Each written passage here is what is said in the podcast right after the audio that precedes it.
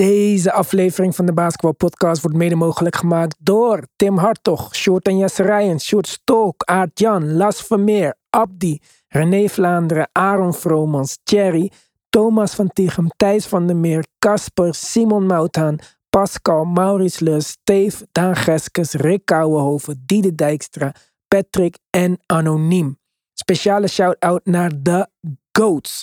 Robert Huiltjes, Yannick Tjongajong, Wesley Lenting, Robert Lutte, Jan van Binsbergen, Taron en Yannick, Samet Kasic en Myron. De laatste aflevering van 2022. Hier dan, want op Petje Af komen wij gewoon nog met nieuwe uitzendingen. We gaan helemaal door tot aan het nieuwe jaar. En in 2023 zijn we er weer. Dus eigenlijk verandert er gewoon helemaal niks. Je kunt ons vinden op Spotify, Apple Podcast natuurlijk. Maar de echte NBA-fan vindt ons op petjeaf.com slash de basketbalpodcast voor zes podcasts per week en toegang tot onze infamous groupchat. Let's go!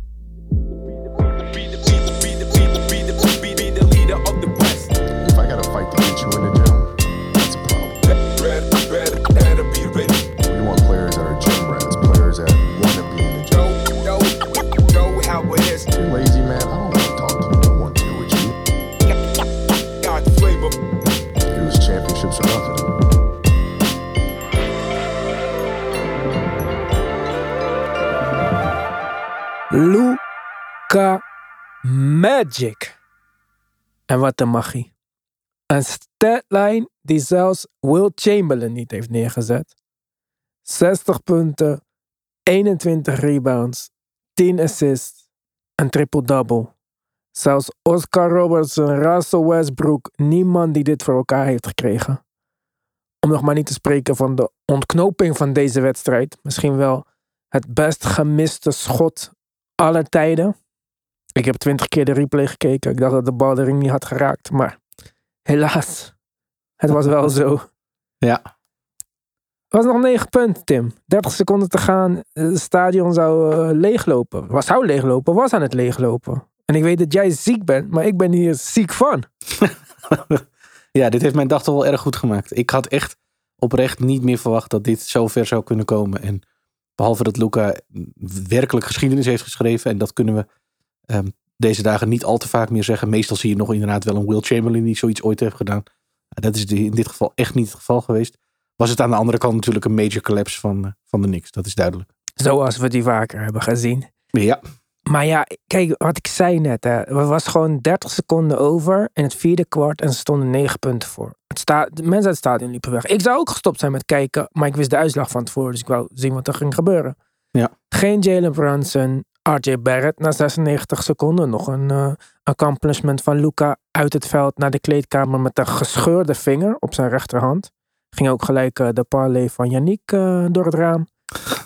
maar tja, alsnog stonden die twee, zonder hun twee beste spelers, stonden er niks bijna de hele wedstrijd gewoon voor. Het leek allemaal goed te gaan komen. Geen Jalen Brunson terug in Dallas dan, maar wel Randall die voor zijn thuispubliek speelde. Wedstrijd van zijn carrière voor Quentin Grimes. Maar toen kwam Luca. ja die, was, eh, die was niet te houden. En eh, aan de andere kant, eh Quentin Grimes was natuurlijk de voornaamste assignment van, van Luca. Dus aan de ene kant eh, 33 punten, inderdaad. Ja, knap. Gewoon hartstikke knap. Eh, inderdaad, zijn, zijn wedstrijd wel. Maar eh, goed, had natuurlijk alle moeite met Luca. En ik denk dat er niks aan zich ja, erg veel fouten maakte. Dat allereerst viel me heel erg op. En blijven, en dit heb jij natuurlijk vaker gezegd, bleven volharden in nou, het vooral niet double teamen. En eh, volgens mij zag ik ergens voorbij komen vandaag dat eh Luca 27 van de 60 punten uit de pick and roll scoorde. Dus eh, ja, dat, was, eh, dat ging wel lekker.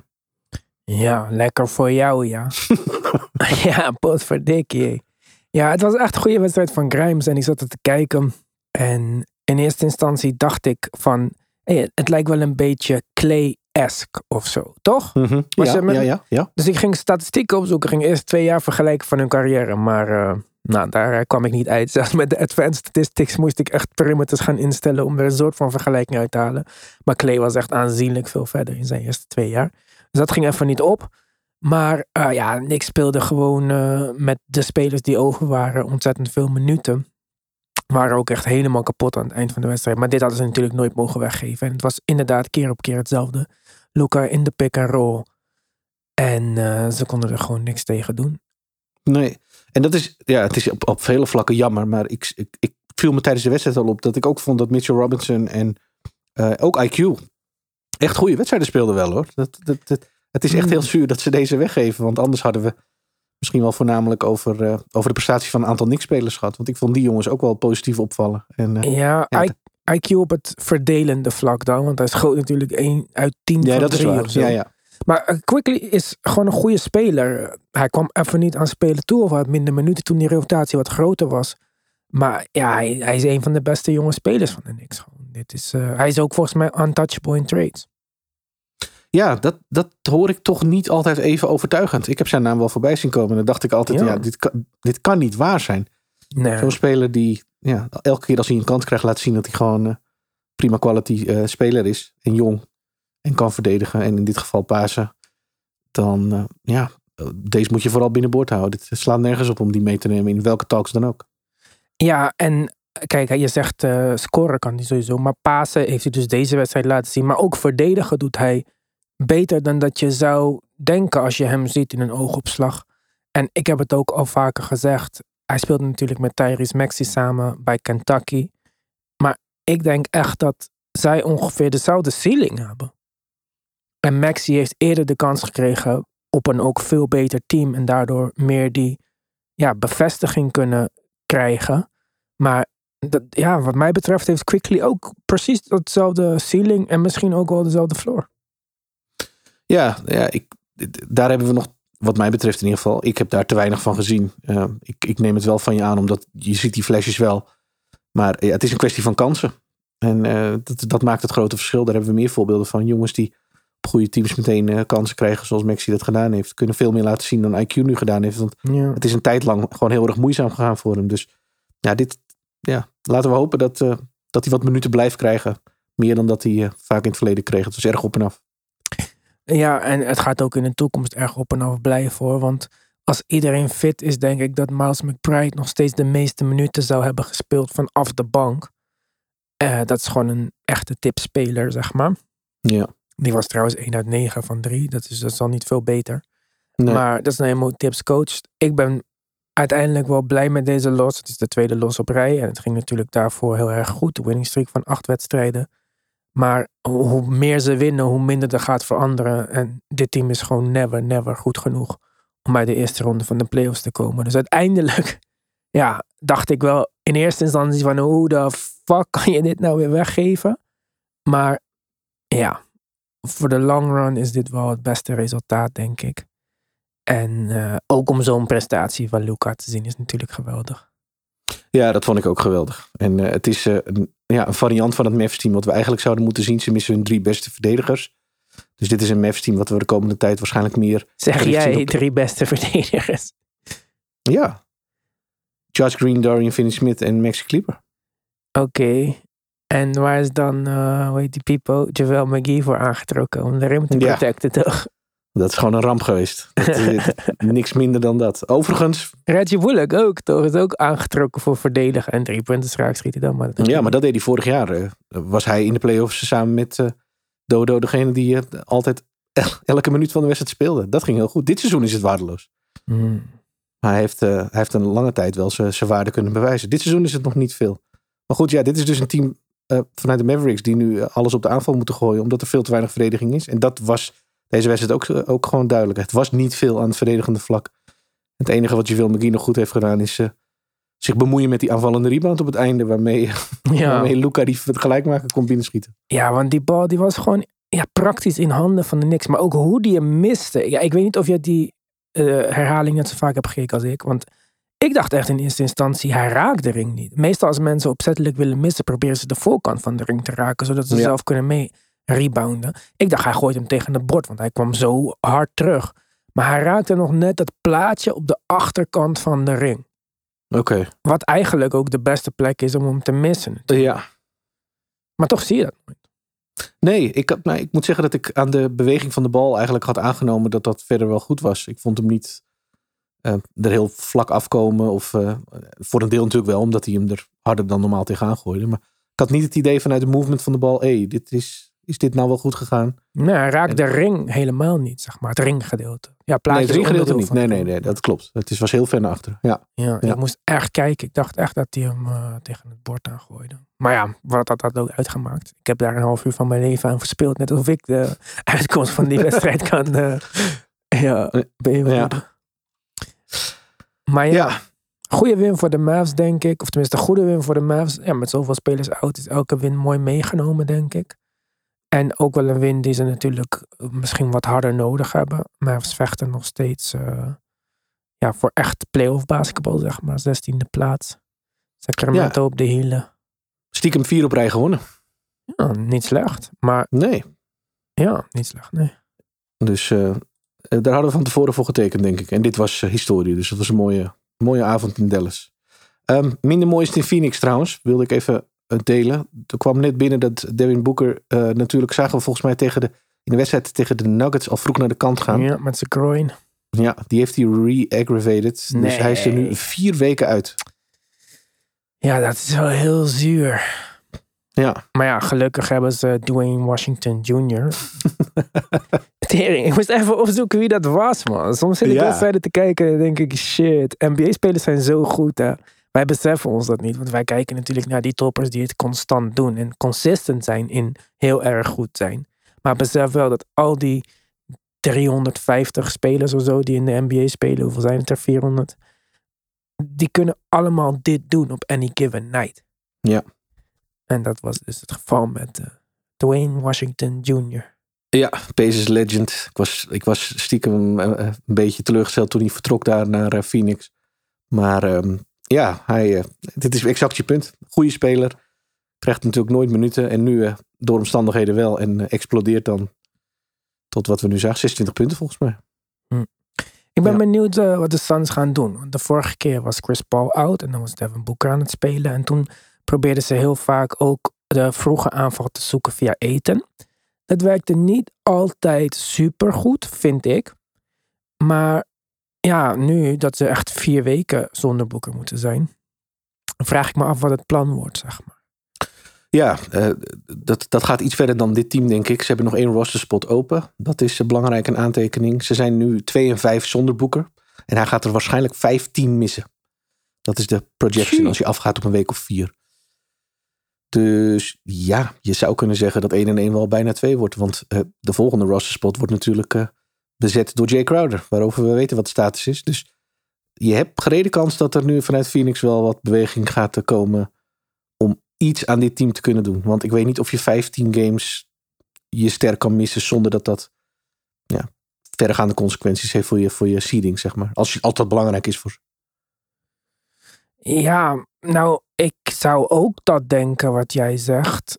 Maar die trade die net eh, in duigen is gevallen, dat was natuurlijk een goede geweest. Hè? Ja. Malik Beasley erbij hebben zou niet eh, slecht zijn voor eh, een tijd zonder Boeker.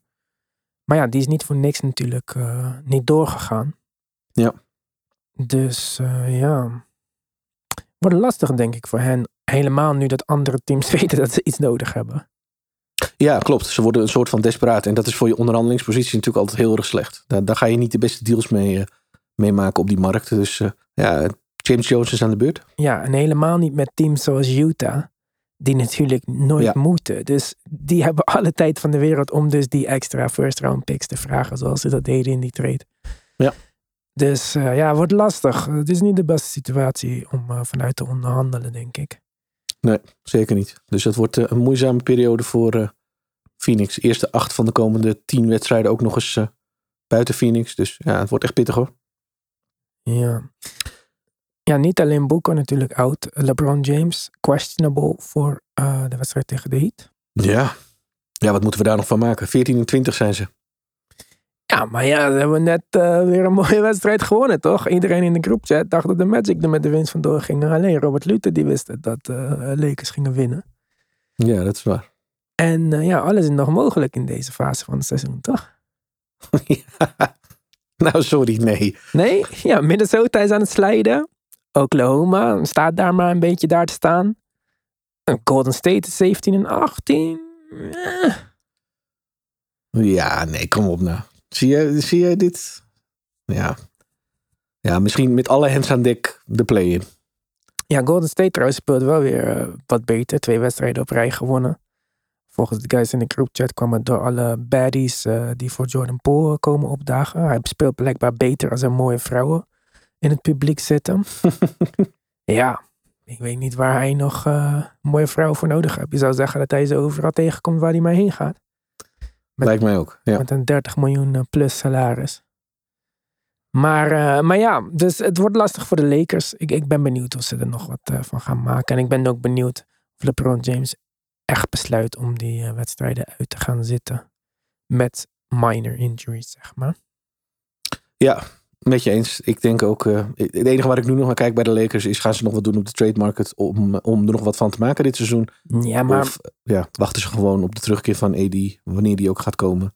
En kijken ze gewoon wat er met het team te halen valt. En eh, schrijven ze dit seizoen misschien wel ja, ja, af. Wil ik niet meteen zeggen, maar dan wordt het play-in maximaal, denk ik.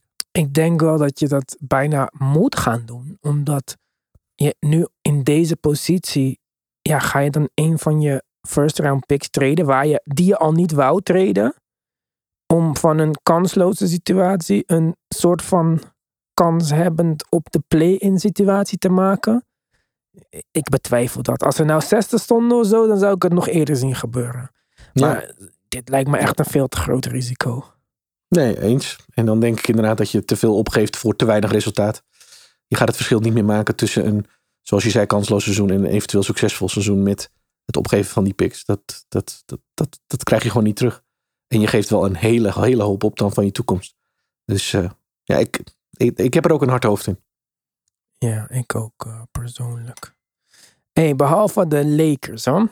Wie Ja. zou jij zien als de meest kansloze teams? Er is net een artikel verschenen op Bleacher Report. En daar stonden de Lakers en de Raptors al in de titel.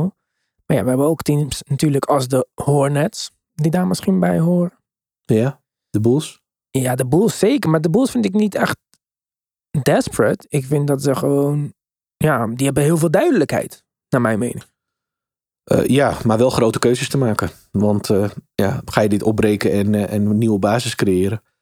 Of ga je hier met trades gewoon een soort retooling van, van, voor hem proberen te geven? Dus ik, ja, ik weet niet hoor. Met hun geschiedenis, recente geschiedenis, waarin ze natuurlijk al een keer helemaal tot de bodem zijn gegaan. Hmm.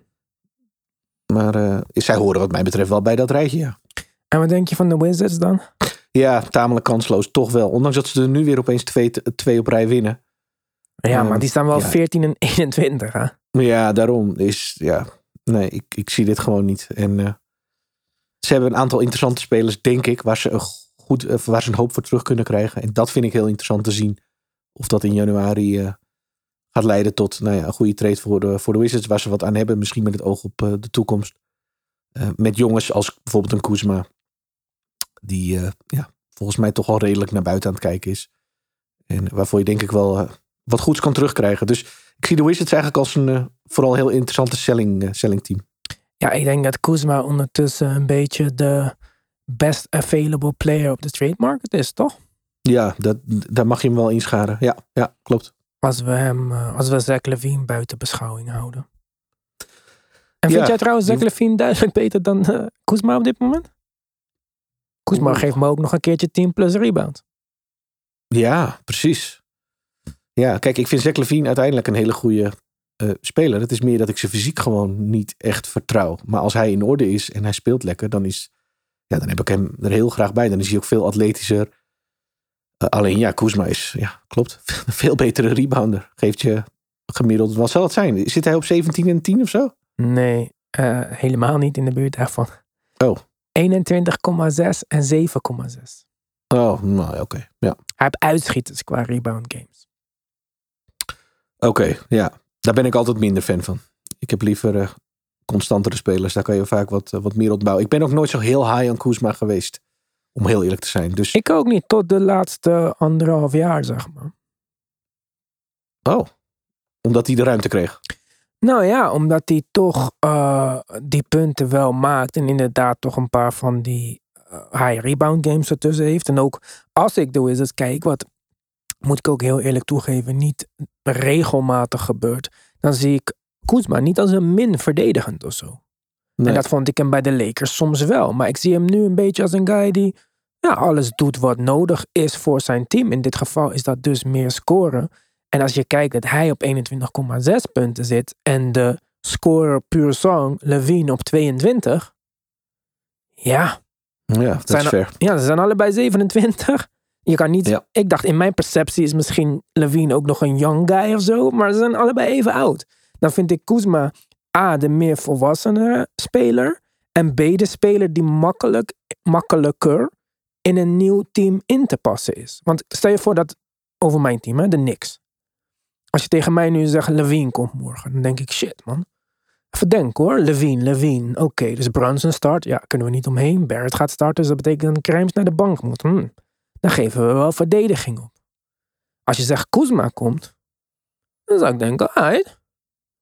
Robinson van de offensive rebound. Kuzma helpt hem defensively. Ja, weet niet wie er dan precies naar de bank gaat. Ja, ik hoop dan Randall natuurlijk, maar... Ja, ja. Maar snap je, het is. Kuzma is zo'n guy die bij elk team. Al zou Kuzma nu naar, naar, zelfs naar Denver gaan, waar Aaron Gordon fantastisch speelt, toch? ja. Zou ik nog steeds denken: oké, Kuzma in plaats van Aaron Gordon. Dat is interessant. Snap je? En dat met Levine denk ik: ja, wat krijg ik nou? Een tweede Jamal Murray. Ja, snap je? Ja, ja, snap ik wel. Ik denk dat het voor een groot deel, zo zie ik het in ieder geval, te maken heeft met zijn eh, fysiek, zijn lengte, positie die hij speelt en zijn skillset, zeg maar. Maar ik weet ook voor een fact dat hij in Washington altijd is blijven hengelen, tot op de dag van vandaag, naar meer schoten. Hij wil daar de focal point van de offense zijn, wat je niet gaat zijn op een team met Bradley Bill. Maar dan denk ik, ja, oké vriend, waar wil je dan naartoe waar je dat wel bent? Ik denk dat er maar een paar teams zijn die hem gaan binnenhalen en zeggen, ja oké, jij bent onze nummer één optie. Want dat wil hij graag. Dat heeft hij echt wel laten, laten doorschemeren ook. En, en jongens die, kijk, met ambitie uitspreken is niks mis. Laat dat even voorop eh, gesteld zijn. Maar je moet ook wel realistisch zijn in zowel het kijken naar jezelf als kijken naar de mogelijkheden op, ja, op de markt bij andere teams. En dan denk ik, ik vind het moeilijk om te zien waar hij binnenkomt en ehm, ja, het, de man kan zijn. Want Ja, dus dat wordt- is hij niet, zo zie ik hem niet. En ik denk ook niet dat het zijn kracht is. Wat mij betreft is hij hoogstens een nummer twee optie, maar meer zoals jij hem eigenlijk net omschreef. Een goede alleskunner die, eh, ja, die gewoon goed kan bijdragen. Ja, dus het wordt een beetje zo'n Jeremy Grant-achtig gevalletje, bedoel jij? Ja, nou ja, en die is nu uiteindelijk ook goed geland in een situatie waarin hij waarschijnlijk eh, gezien heeft wat het kan betekenen als je gewoon hè, je ding doet eh, op een team waar je zeker niet de nummer één bent. Ik denk ook niet de nummer twee, maar wel heel goed kan zijn. En eh, ja, als Kuzma zich kan settelen in zo'n rol, en kan accepteren waar hij, waar hij terecht komt, prima. Dan I'm all for it. Dan kan het echt wel een succes worden met Kuzma op een ander team. Ik hoop alleen dat hij dat kan. Hij laat vooralsnog vooral blijken dat hij ergens eh, de man wil zijn. En dat vind ik altijd eh, tricky. Zal ik je iets grappigs vertellen, Tim? Nou, Weet je hoeveel schoten Kuzma per wedstrijd nu? nee. 17,7. Weet je hoeveel schoten Bradley Beal per wedstrijd neemt? Waarschijnlijk minder. 16,8. Nou ja, hetzelfde dus. Ja, En Bradley Beal is veel efficiënter. 57,5% effective field goal percentage tegenover 53% van Kuzma. ja. Maar hij neemt ze dus nog steeds. ja hij, hij forceert het. En hij heeft natuurlijk voor een deel ook zonder Biel gespeeld. Grappig. Dus eh, ja, hij, eh, hij drukt het er daar een beetje doorheen. Dit is waarschijnlijk ook eh, het gegeven waaruit men misschien hoopt dat, dat hij gewoon in Washington gaat bijtekenen. Want dat is natuurlijk net zo goed de mogelijkheid. Want die zijn blij met hem, laten we, laten we duidelijk zijn. Dat is, de Wizards zijn blij met hem en zouden hem er graag bij houden, denk ik. Ja. Ja, maar ik zou niet weten waarom je dat zou doen. Waarom zou ik nu eh, Kuzma bijtekenen als Bradley Beal zijn ding doet, Porzingis doet zijn ding en eh Kuzma doet zijn ding en jullie staan niet in de buurt van de play-in. ja. Zo hoef je toch Ja. niet bij te tekenen. Het werkt niet. Trade die man. Nee, maar goed, het kan ook zijn dat je, eh, dat je de combo eh Biel en Kuzma wel eh, ziet zitten. Het is zelfs niet uitgesloten dat Biel uiteindelijk ergens zijn naam blijft genoemd worden. Ja. Als die nog wat van zijn carrière wil maken, moet hij het nu doen. ja, maar die heeft ook duizend en één keer uitgesproken dat hij in Washington wil blijven. Ja, ja. Ja, waarom forceren we elke keer die meest loyal spelers om ergens naartoe te gaan? Beal, Damian Lillard. Omdat ik niet snap wat hij daar doet. Ja, hij is daar gedraft en hij wil gewoon daar een titel winnen. Anders stelt het voor hem niet, zegt hij. Nee, maar hij is niet eens. Hij is niet eens in de, in in de stratosphere van een, van een kampioenschap. Ja, maar dat zou je wel moeten zijn, toch? Hij speelt samen met de Unicorn, met Kyle Kuzma. Ze hebben drie wing Ja. top 10 picks in Avdia en hoe heet die andere guy? Hachimura. Hachimura. Ja, Rui Hachimura, ja. Ze hebben een perfecte trade gemaakt in de offseason. Of tenminste perfect, het is niet slecht. Six man Nee, erbij, klopt. startende point guard erbij. Je kan niet zeggen dat ze het nou zo per se iets heel erg fout doen. En zelfs Bradley Beal is niet zo arrogant dat hij zegt... fuck deze shit, ik ben de beste scorer hier, geef me meer schoten. Maar Bradley Beal average de laatste, eh, laagste gemiddelde punten... in zijn carrière sinds, eh, weet ik veel, 2015. Ja, en het gaat bepaald niet goed. En eh, ja, ik, ik weet niet. Ik kan me niet voorstellen dat Biel denkt, nou, in deze omgeving, dit, dit gaat nog wel wat worden. Want hij snapt natuurlijk ook wel dat dit seizoen niet veel meer is. Dat, daar hoef je geen wetenschapper voor te zijn. Maar eh, hij moet het vertrouwen blijven hebben. En, daar, en daar, daar heb ik mijn twijfels bij. Dat het wel wat kan worden in Washington binnen afzienbare tijd. En ja, ik zie dat gewoon niet. Ja, ik dus ook ik niet. denk dan, ja, wat, wat, je hebt je contract. Dat was het belangrijkste.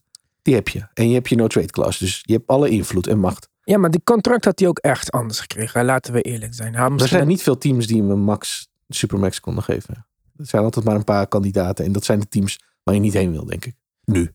Ik denk dat de Lakers eh, alle ruimte hadden gemaakt door eh, Westbrook en een pick weg te treden als ze Beal konden zijn. En eh, ja. Ja. Ja, dan zou het moeten passen. Ja. Ja. Lakers hadden Ja, echt ik- wel, als Beal had gezegd ik wil bij de Lakers zijn en Washington had gezegd oké, hadden de Lakers gewoon die twee first round picks opgegeven en Westbrook om een sign and trade te faciliteren. Als Ja, precies. zegt dat hij wil komen, Beal is ook die twee first round picks waard. Oh, zeker weten.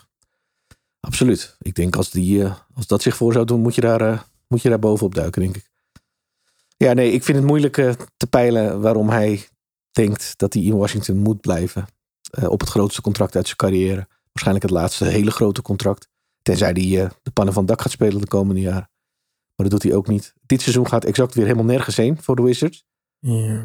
Ja, ik, kom op jongens. Ga even wat anders doen nu. Want eh, dit werkt niet. Ja, ik weet niet of we hem dit jaar getraind zien worden. Maar de Wizards zouden wel iets moeten doen. Maar ik denk dan inderdaad dat misschien Kuzma wel ehm, ja, eerder op die trade market verschijnt. Ja, Dat denk ik ook. Aflopend contract. Dus eh, ja, en ik dus denk ze zullen je, wat moeten met hem. ja, en ik denk dat je nu wat moois nog voor hem eh, kan Zeker. terug, eh, terugkrijgen. Ik ben benieuwd wie er eerder, wie de grootste ster is die uiteindelijk weggaat. Of dat dan een Kuzma is of een Levine. Of dat we zelfs nog wel iets groter zien. En ik ben ook benieuwd wat al die teams, zoals bijvoorbeeld de Knicks, die zitten te wachten op de next best star available. Of die Ja. toeslaan op welke ster dat dan ook mag zijn. Dus ook als het een ster is op een positie die ze niet nodig hebben. Zoals naar mijn mening Zach Levine of Bradley Beal. Ja. Of dat ze echt wachten tot bijvoorbeeld, ja, misschien klinkt het gek, maar totdat we bijvoorbeeld een Embiid zien die ontevreden is of zo. Kijk, dat zou Ja? wat mij betreft echt een, eh, dat, dat zou de league echt kunnen shiften. Ehm, Als Embiid zegt, ja, ik ben niet meer blij, dan moeten twintig teams gaan nadenken wat ze kunnen doen. ja, dat is fair. Ja. Als je En kijkt naar de vorige en dit seizoen. Ja, dat is waar. Ja. Dan moet iedereen moet gaan denken. Van Atlanta tot Chicago tot eh, New York. eh, zelfs de teams die aan het rebeelden zijn. Eh, de Pelicans moeten met al hun picks gaan. Thunder, iedereen, toch? Maar als nu Ja, zegt en- Zach Levine, dan gaan de Thunder en de Pelicans niet kijken wat ze kunnen doen. Denk ik. Nee, zeker niet. Nee, dat zijn geen eh, franchise-altering spelers. En ze, hebben daar, eh, ze zijn daar bezig met eh, programma's met ontwikkeling. Die verder redelijk goed in elkaar zitten. En dat heeft gewoon tijd nodig. Ja, dan ga je niet dat allemaal overhoop gooien om, om Embiid binnen, binnen of, om een, een speler als Levine binnenboord te halen. Dat maakt, Ja. maakt niet genoeg verschil.